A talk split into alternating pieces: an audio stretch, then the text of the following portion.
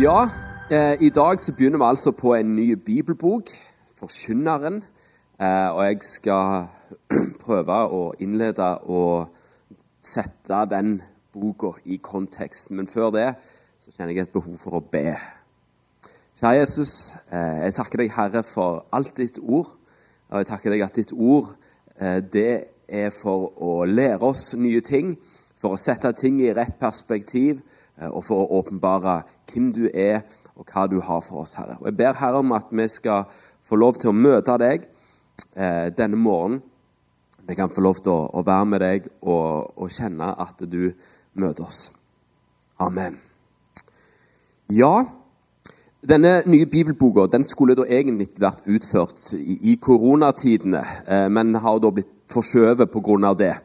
Så for de av dere som syns det har blitt litt mye bibelbøker denne høsten, så er dette altså ikke standard. så vil jeg si det. Um, så dette her er en sånn ting som skulle ha vært gjort, uh, og som nå vi da får anledning til å gjøre. Men til, høst, til våren så blir det bare ei bibelbok, så vet dere det. Um, når det er sagt, da, så er Forkynneren den bibelboka som vi skal gjennom de neste tre gangene. Den er en av de mest interessante bøkene i Bibelen, og og en av de mest misforståtte bøkene i Bibelen. Uh, og um, grunnen til det er uh, at det er en del av det som da kalles for visdomslitteraturen. Mitt kapittel i dag er da 'Under sola'. Jeg skal forklare hva, hva det som, hva som ligger i, i, det begrepet. Eh, men før det, så neste, så eh, er Forkynneren en av tre bøker i, i, i Gammeltestamentet som kalles for visdomslitteraturen. Eh, de andre er ordspråkene og Jobbs bok. Og De kan leses som en sånn trilogi der eh, forkynneren opptrer som den midterste av disse bøkene. Eh, når visdomslitteraturen, alle disse tre bøkene, har det til felles at de, den inviterer oss til å tenke. Så det, Dette er bøker som er skrevet for å få deg til å tenke. Og, og det kan være litt sånn frustrerende eh, for uh, oss som leser Bibelen til vanlig. For uh, vi, vi, vi, åpner jo denne boka for å finne svar. Men visdomslitteraturen, og spesielt Forkynneren og Jobbs bok, de gir ikke så mye svar. De bare gir deg masse spørsmål. Uh, og, og, det som er det som er frustrerende med, med, å bare få masse spørsmål, er jo at ja, men hva er da svaret på disse spørsmålene? Ja, da må du tenke. Og det det, Dette her er bøker som er designet for å skjerpe hodet ditt. Eh, ikke for å på en måte gi deg noen lett tygde svar. Så skal vi prøve å tenke og grave og skjerpe tankene våre litt sammen her, da. Eh, men det er nødvendig, tenker jeg. Og Bibelen mener at det er nødvendig. Det å være et tenkende menneske, eh, det, det er ikke en motsetning til det å være kristen. Nei, nei, det er oppfordrende. Man, man er oppfordra til å tenke. Eh, fordi vi, vi, er kalt til å elske Gud av hele vårt hjerte, av hele vår sjel. Og i, i, eh, i, i, Gamletestamentet så står det 'av all vår makt', mens i Nytestamentet så blir det oversatt med all, all vår forstand'. Så vi er kalt til å elske Gud av hele vårt intellekt òg. Og disse bøkene de skjerper forstand. Når ordspråkene den første av disse. og Hvorfor tar jeg opp ordspråkene? Jo, fordi at det gir på mange måter oppskrifter for hvordan man skal leve et godt liv. Eh, det er introduksjonen til visdom. Ordspråkene er for det meste en sånn serie med korte ordtak som fyller en formel, stort sett, som går sånn som dette. De som gjør sånn som dette her, de går det bra med. De som gjør sånn som dette her, de går det dårlig med. Da kan vi eh, ta et eksempel på det. Eh, ordspråkene 14-11 et godt eksempel. Ja, der, ja. De ugudeliges hus skal ødelegges, men de oppriktiges telt skal blomstre. Det er en sånn typisk ordspråkbudskap. Eh, eh, så den er, den er nokså sånn Den er veldig anvendelig. Um, og, og, i, i ordspråket 1,8 så kan vi se at eh, selve boka er adressert til min sønn. Så det er, det er jo Salmos ordspråk, men er adressert til min sønn. Så dette her er meninga at dette er en ung mann, som, eller dame for så vidt, eh, som, som, Dette er for den unge til å på en måte lære hvordan skal jeg leve i denne verden for at det skal gå meg bra. Hva ting skal jeg sette pris på, hva ting skal jeg verdsette, hva ting skal jeg gi slipp på. Jeg, altså, det er en advarsel mot hva man skal holde seg vekke fra, og så er det en, en oppskrift til hvordan man skal leve for å få et godt liv. Det er ordspråkene. Veldig anvendelig, veldig, eh, veldig sånn rett på. Det som da er Det de to da neste bøkene gjør, er å problematisere oppskriften i ordspråkene. Jobbs bok er da en utforskning av problemet. Hva da når den rettferdige lider? Hva når du har fulgt alt det som står i ordspråkene, og så går det deg ikke godt allikevel? Hva, hva da med det? Forkynneren tar opp et helt annet problem. Ja, når det går deg godt, da? Når, når, når du har gjort det rettferdige, og det går deg godt, hva verdi har egentlig det? Hva er verdien av det du gjør? Hva er verdien av ditt arbeid? Hva er verdien av ditt slit? Og problematisere da dette. Og Forkynnerboka har da på en måte sitt opphav i en gammel Salomo. Dette er en gammel mann som snakker. Som har levd ei stund, som på mange måter er på høyden, som har nådd eh, som har nådd på en måte det ypperste av alt som går an å oppleve her på denne jorda. Han er kongen, han sitter på toppen. Han har mest makt, mest penger, mest visdom. Han har lært mest. Han har mest. Han har liksom På alle menneskelige faktorer, alle menneskelige målestokker, så er han her på toppen. Og så stiller han seg spør spørsmålet hva er det verdt? Hva verdi har det? Når forkynnerboka har på en måte kan framstå som sabla kynisk og, og, um, noen har tolka den dit hen at dette må være skrevet av en frafallen, for det er så negativt. Eh, men eh, jeg vil ikke si det. Forkynnerboka er ei bok som kaller en spade for en spade.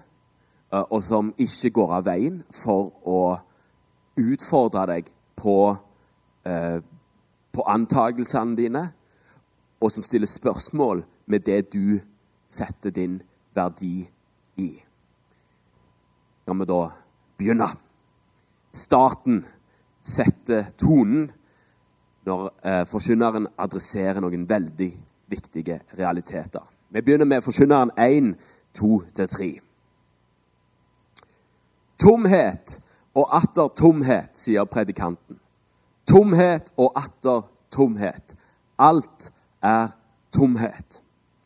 Hva vinning har mennesket av alt sitt strev som man plager seg med under solen?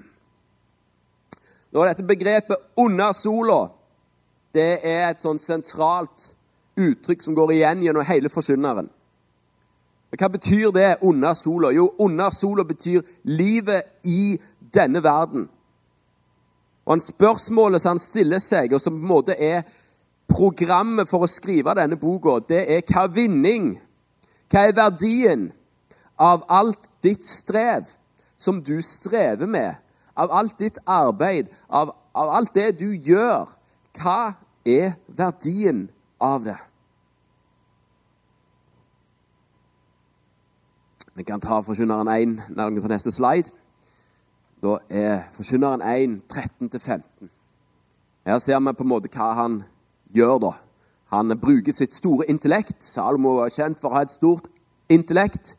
Eh, og så bestemmer han seg for å finne ut av hva er det som er verdt å gjøre. Hva er det som gir ting noe verdi? Selv om på en måte introduksjonen gir oss jo et liten pekepinn på hva som vil være konklusjonen.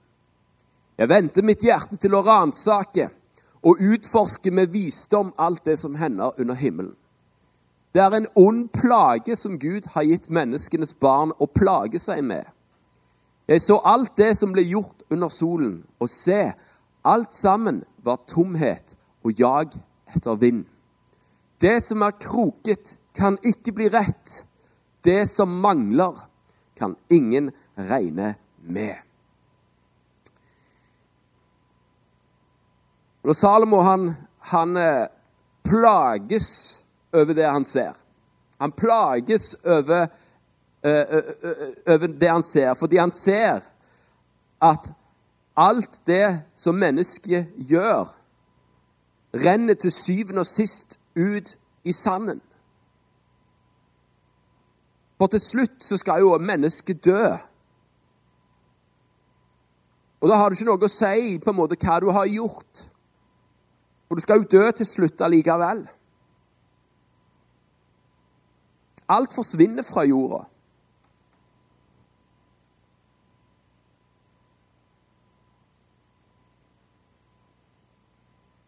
Skal vi ta neste òg? Jeg venter mitt hjerte til å kjenne visdommen og forstå dårskap og uforstand. Men jeg skjønte at også dette var jag etter vind. For med stor visdom følger stor gremmelse. Den som øker kunnskap, øker smerte. Så han var jo vis. Så, så det han på en måte gjorde, var jo OK. Jeg må prøve å finne ut av alt. Hvis jeg øker min kunnskap, øker min visdom Det å søke visdommen, søke kunnskap, det må jo være verdt å gjøre. Det må jo være verdt å, å det, det, må jo være en verdi i seg sjøl. Men så finner jeg ut at nei, det er òg tomhet. Og jag etter vind. Fordi han sier at med store visdom følger stor gremmelse. Hvis du anser deg sjøl for å være smart på et felt, eller smart sånn generelt, eller hvis du kjenner mange folk som er smarte, er de veldig lykkelige? Går de rundt og er glad hele tida? Det er sannsynligvis ikke. Og en av grunnene til det, det er at hvis du vet hvordan en ting fungerer, eller vet hvordan ting burde fungere, så ser du hvordan lite visdom som fins i verden. Og så rister du på hodet av alle som på en måte gjør ting som er feil, og så kan du tenke nei, nei, nei. Det er det som er det, det, er det du får igjen for å være smart. Du irriterer deg over alle som ikke er det. Og En annen ting som er problemet med å være skikkelig smart, det er at du, du vet hvor mye du ikke vet. For, for det er ikke sånn at, eh, at når, du, når, du, utvider din kunnskap og utvider din visdom, at, da, eh, at det da blir sånn at, eh, at du Jepp, nå har jeg eh, gått fra å jeg, trodde at jeg visste sånn 3-4% og nå, nå, tror jeg at jeg vet sånn 20-25 eh, av ting som er verdt å vite. Nei, til mer du vet, så er det sånn at jeg trodde jeg eh, visste sånn 3-4% men nå skjønner jeg at jeg bare vet 0,3 Det er sånn det er. Til mer du får vite, til mer skjønner du at du ikke vet. Spør enhver fysiker som kan alt om universet i hvert fall sammenligna med meg, og spør han, ja, hvor mye kan du egentlig av universet. Og så vil han si ja, mye mindre enn jeg trodde. Fordi at eh, ethvert svar fører til et større spørsmål. Den som øker kunnskap, øker smerte og gremmelse. Så Salomo han gir opp eh, han gir ikke opp visdommen sin, men han gir opp det å søke visdom. Han ser at det i seg sjøl er ikke et, et, eh, noe som er verdt å, å, å gjøre. Den, den, har ikke en varig verdi. Så han tenker ok, jeg får bruke min visdom, jeg får bruke min kunnskap til å, eh, til å bygge ting. Så da kan vi ta neste. Jeg utførte store arbeider. Jeg bygde meg hus, jeg plantet meg vingårder, jeg gjorde meg hager og parker og plantet i dem alle slags frukttrær. Jeg gjorde meg vanndammer til å vanne en skog av voksne trær. Jeg kjøpte meg treller og trellkvinner. Jeg hadde tjenestefolk som var født i mitt hus. Jeg fikk meg også um, Skal vi se Jeg fikk meg også um, stor buskap, både stort og smått, mer enn alle som hadde vært før meg i Jerusalem. Ta neste. Jeg samlet meg også sølv og gull og kostbare skatter som kom fra fremmede konger og land. Jeg fikk meg sanger og sangerinner og det som var menneskenes lyst, en hustru og flere.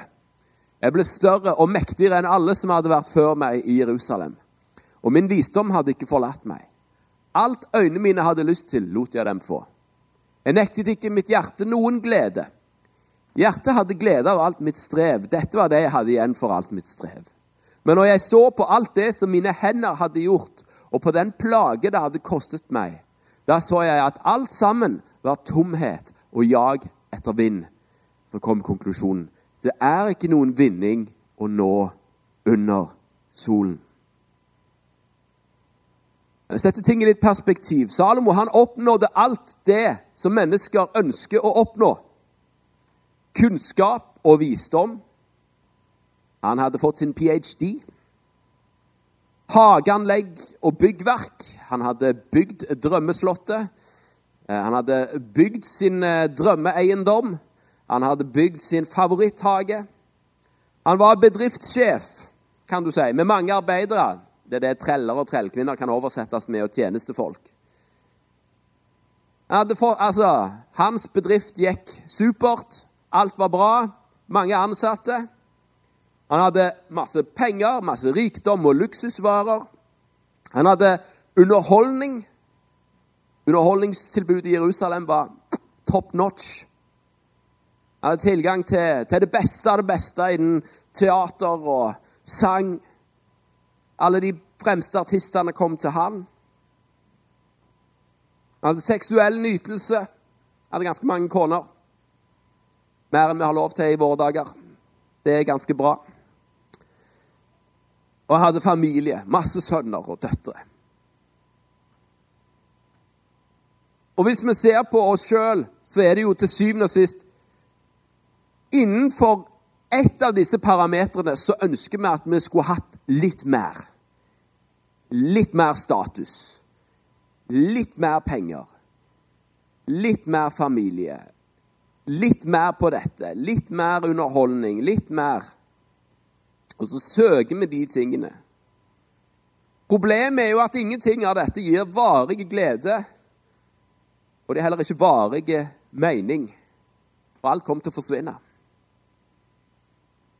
Det dumme med alt du strever med her nede på jorda, det er at uh, det kommer ikke til å vare. Det er på en måte det Salomo beskriver som den, den onde plagen. Det er konsekvensen av å leve i en fallen verden. Det er konsekvensen av å leve eh, i, i, en, i, en, verden som er forgjengelig. Og det er en sorg i det. Det er en sorg i det. Og det er det på en måte som han kommer fram til her. Og så er det litt sånn Ja, ja men stemmer dette her, da? Ja, jeg tror det gjør det. Altså, Det er jo noen av dere som er snekkere. Når dere har bygd et nytt hus, hvor lenge varer den gleden over å ha bygd det huset? Vega, kanskje? Jeg, jeg, spør, jeg kan dere nikke? Er det jeg Tar jeg helt feil? Varer den lenge? Kan du leve på det huset du har bygd? er det en glede som bare bobler og bobler og bobler resten av livet. Det blir stadig mer glede. Simon, eh, Daniel, er det sånn? Eller er det sånn at det Ja, ja, da var det huset ferdig. Bygge et nytt et, da. Ja. Meg sjøl som forkynner ja, men Du, Thomas, sant? Det, oh, det må være en bare glede å, å se på liksom, og Du deler jo Guds ord. og av og til ser jo folk befrelst og sånne ting. Ja, jo, det er en flott ting, men det er ikke noe som jeg får en varig glede av. Faktisk. Ja, det kan være en glede der og da. Men det er jo ikke sikkert dere hører på meg heller. Så det kan være at det er alt er bortkasta. Du vet jo ikke. Er det en varig glede i å stå her? Nei, det er ikke det.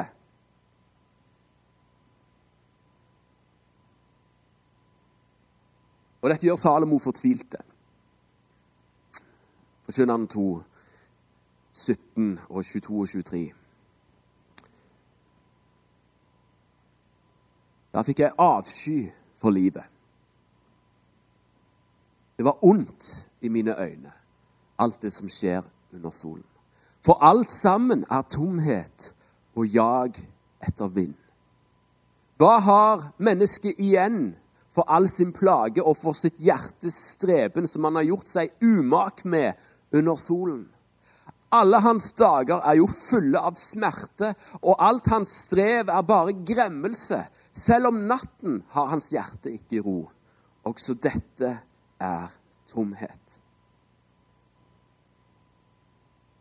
Spør hva slags helst filmstjerne eller de verdens rikeste. Spør om de er lykkelige. Spør om de har funnet svaret på, på det som gir livet mening.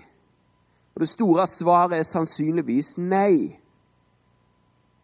Fordi det finnes ikke noe i denne verden I denne verden, under sola, som kan gi livet ditt mening.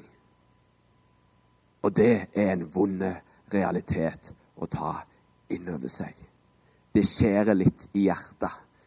Det klør ikke i øra.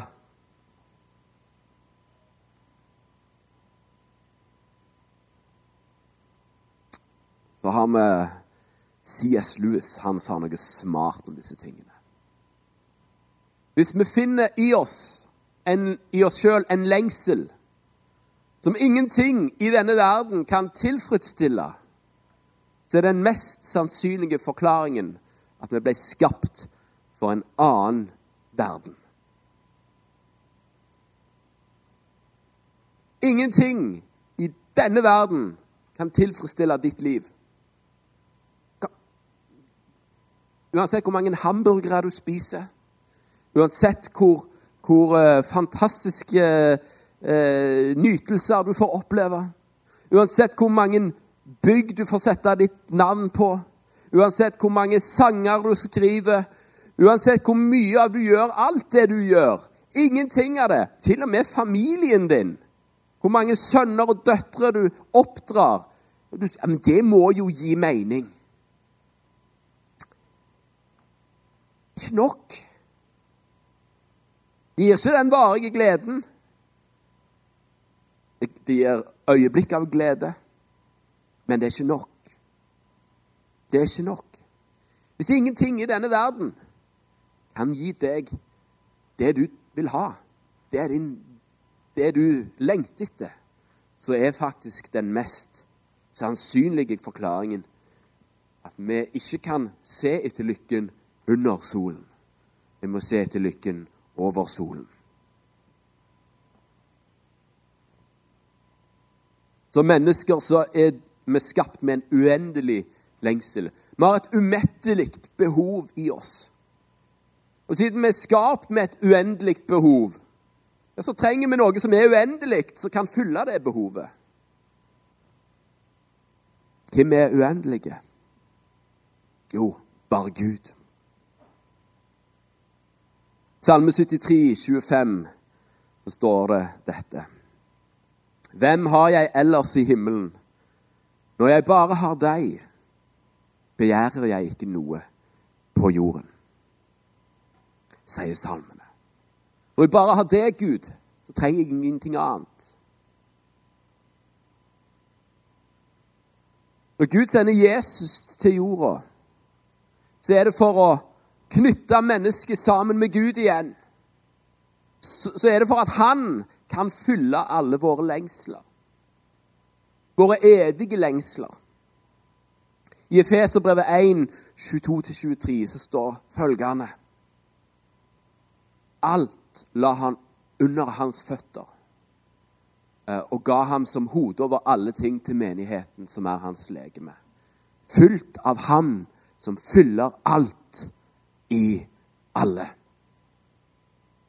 Jesus er den eneste som kan fylle det, det, behovet. Han er den eneste som gir livet mening. Men disse sannhetene som jeg nå har eh, forklart, de finner du ikke i Forsynnerboka. Og hvorfor finner du ikke de da i Forsynnerboka? Vel, nummer én, for det er ikke Forsynnerbokas oppgave. Det som Forsynnerboka stilte spørsmål er hva vinning er det under sola? Og der er svaret ingenting. Det er tomheters tomhet og jag etter vind. Og så er det jo da spørsmålet Hvorfor kommer ikke da forkynnerboka inn på svaret? Nei, han stiller heller spørsmålet for at du skal tenke. For at du skal tenke. Og så er det jo òg en sannhet at dette her er skrevet før Jesus kom til jorda. Det som mangler, kan ingen regne med, sier forkynnerboka. Det som er krokete, kan ikke bli rett. Men Jesus kom for å gjøre det krokete rett. For å gjøre det som, det som var ute av ledd, og det som var feil, for å rette det opp. Han kom for at det ikke skulle være noen mangel. Jeg har kommet for at dere skal ha liv, og liv i overflod, sier Jesus.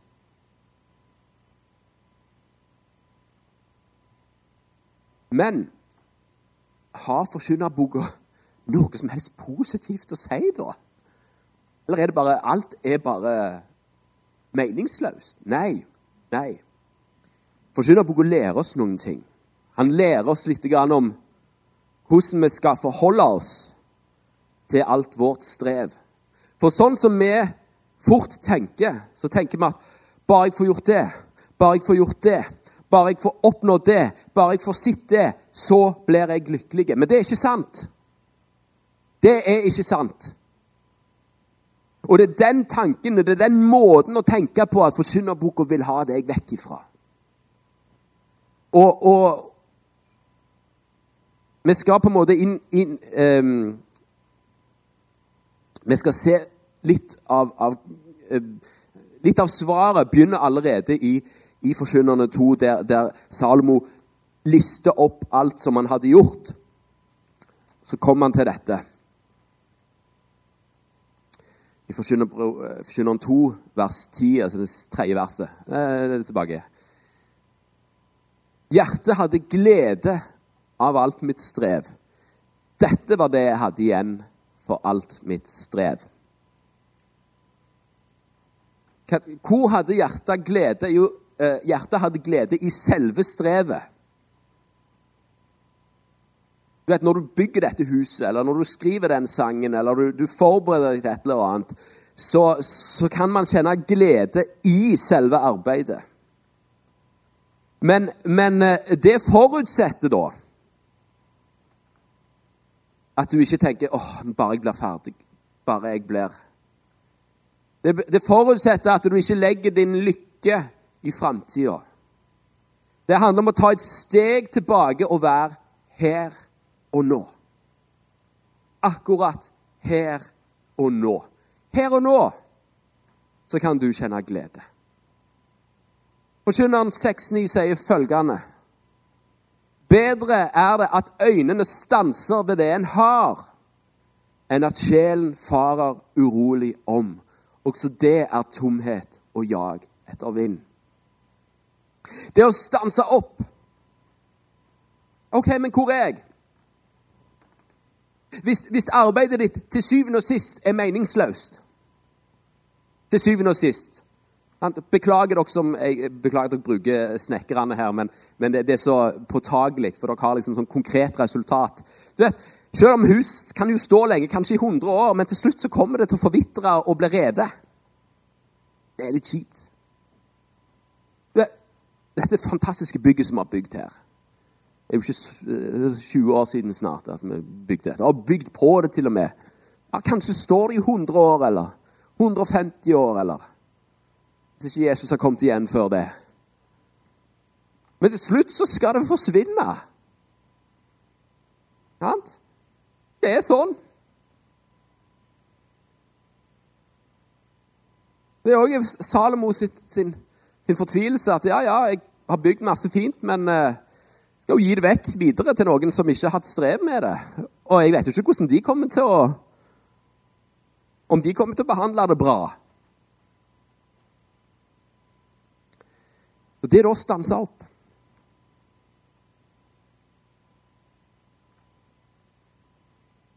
Det er da å, å si OK Akkurat her og nå, i det jeg gjør, kan jeg kjenne glede. Det som òg går som en gjennom En sånn gjennom eh,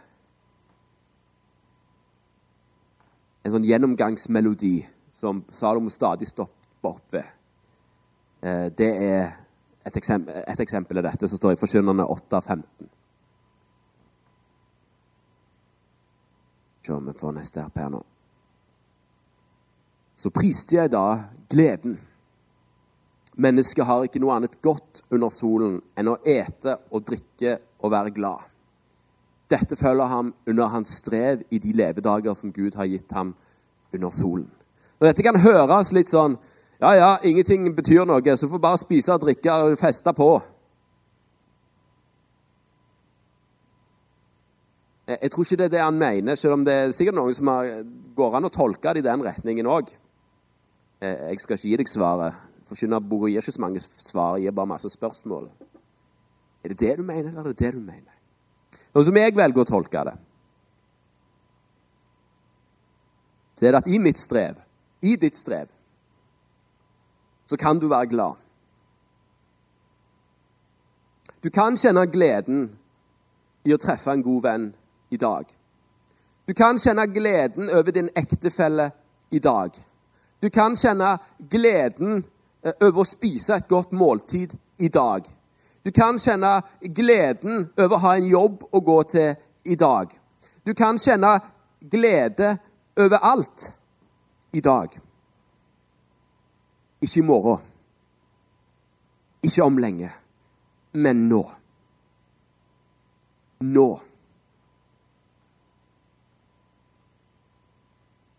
Det finnes en glede som er i øyeblikket. Og det, det som er jo litt, det er det som er litt interessant da, med denne boka. Som er et som paradoks. Jeg syns det er dypt fascinerende. Hvordan en bok som erklærer at alt er tomhet. At ingenting av det du gjør, har noen verdi i seg sjøl under sola.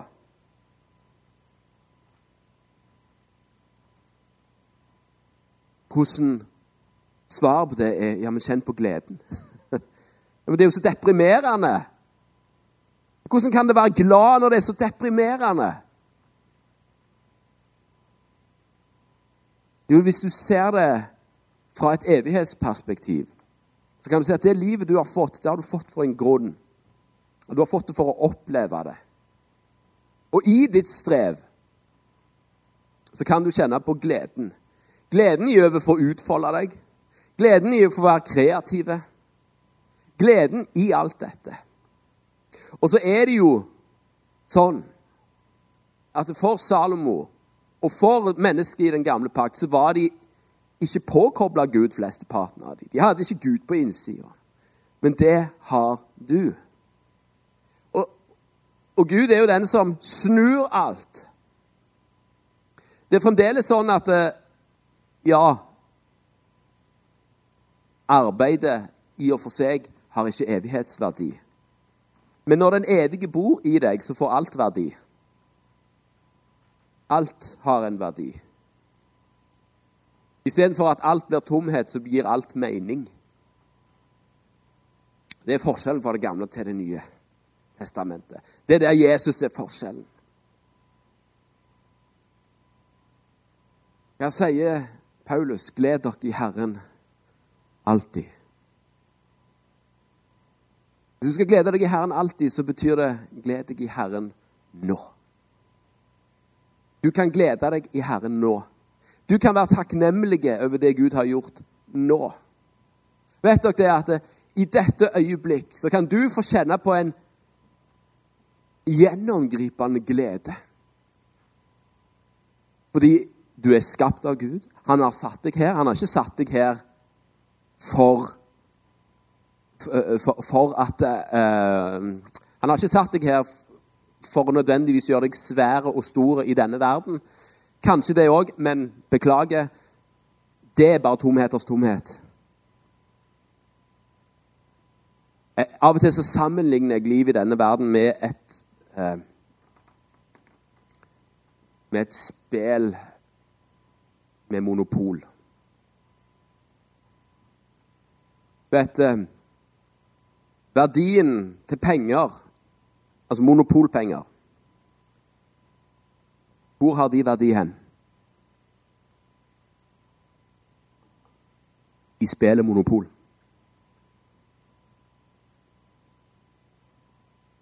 Når spillet er over, så er det ikke verdt papiret det er skrevet på.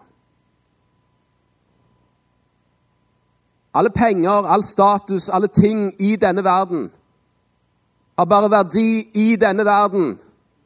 Men når spillet er over, så har det ingen verdi lenger. Så da må vi slutte å late som om det er viktig. Vi må slutte å late som om de tingene der betyr noen ting. Og så må vi stille oss spørsmålet ja, hva er det da som betyr noen ting? Jo, hva er det som er evig? Hva er det som har evig verdi? Det er at ditt liv er kobla til Han som er evige, Han som kan gi livet mening. Og så er det vårt oppgave å forvalte våre liv og bruke vår tid. Ja, vi må jo streve, for vi er jo en del av dette spillet så lenge vi er her nede på jorda. Ja. Men den vinner ikke som vinner spillet. Den vinner som finner Jesus. Det er det som er seieren. Det er lov å si amen til dette. Jeg syns dette er kjempebra. Men eh, kanskje dere fikk for mye å tenke på.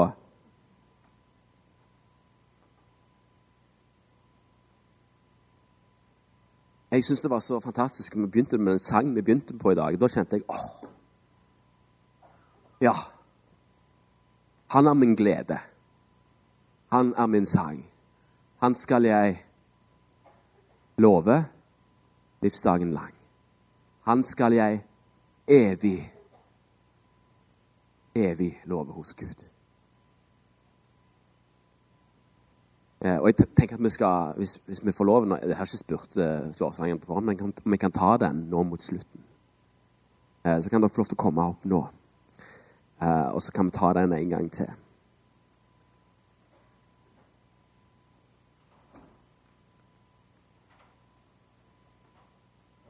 Og så kan du kjenne gleden i Jeg vet ikke hvor du er, er hen i livet. For, for, for deg som har gjort det sinnssykt bra i dette spillet som heter livet, så er det jo eh, Så er det kanskje dårlig nytt når jeg sier 'sorry'. Det kommer ikke til å vare. For deg som ikke har gjort det så bra i spillet, så er dette gode nyheter. Men det er ikke det som betyr noe til syvende og sist. Det som betyr noe, er har du funnet Han? Og i det så kan vi kjenne den der store gleden i dag så kan du kjenne den der store gleden over at det faktisk finnes en Gud som har blitt et menneske for å gi ditt liv mening. Og, og når, når, han får fylle livet ditt, så kan enhver del av livet gi mening. Og så kan vi bruke Forkynnerboken til et sånt et speil til å, til å på en måte se gjennom. OK, gjør jeg det er jeg opptatt av det som gir livet mening? Er jeg opptatt av de tingene som er verdt noe? Eller er jeg opptatt av ting som ikke gir mening? Og ikke minst, hvor setter jeg min glede? Setter du din glede i de tingene som, er, som, som kommer, som du lengter etter, etter resultater? Eller kan du klare å kjenne på gleden akkurat her og nå? Akkurat her og nå så tror jeg at du kan kjenne på gleden. Akkurat her og nå så tror jeg at du kan kjenne på gleden i Jesus. Gleden i Kristus. Du kan glede deg i Herren alltid. Men det krever at du stopper opp. Det, betyr, det krever at du ikke bekymrer deg for dagen i morgen. Det krever òg at du, du ikke sitter og drømmer og drømmer og drømmer om dagen i morgen. Glem dagen i morgen akkurat nå. Kan du stoppe opp? Skal vi lukke øynene? Skal vi åpne opp og skal vi si, Herre Du ser hva jeg strever med, og hva jeg jobber med, og hva jeg stresser med i denne verden. Men akkurat nå Akkurat nå Så jeg bare ønsker bare å takke deg for at du har frelst meg. Du har dødd på et kors for mine synder for å dra meg nær til deg. Akkurat nå så kan jeg få kjenne at du lever. Kan jeg få kjenne at du lever.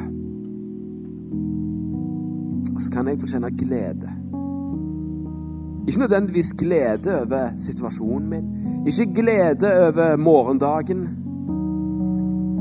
men glede akkurat her og nå. Og du er en evig kilde til glede akkurat her og nå. Du er lys i mørket akkurat her og nå, Jesus. Så kom her med din hellige ånd. Fyll oss opp med din glede. Glede i hvert eneste smil som vi møter. Glede i hvert eneste måltid vi spiser. La meg kunne kjenne på gleden i desserten. Gleden i øyeblikket. Gleden av å synge din pris. Gleden av å tilhøre ditt folk. Kjære Jesus, hjelp oss, her å se hva vi har.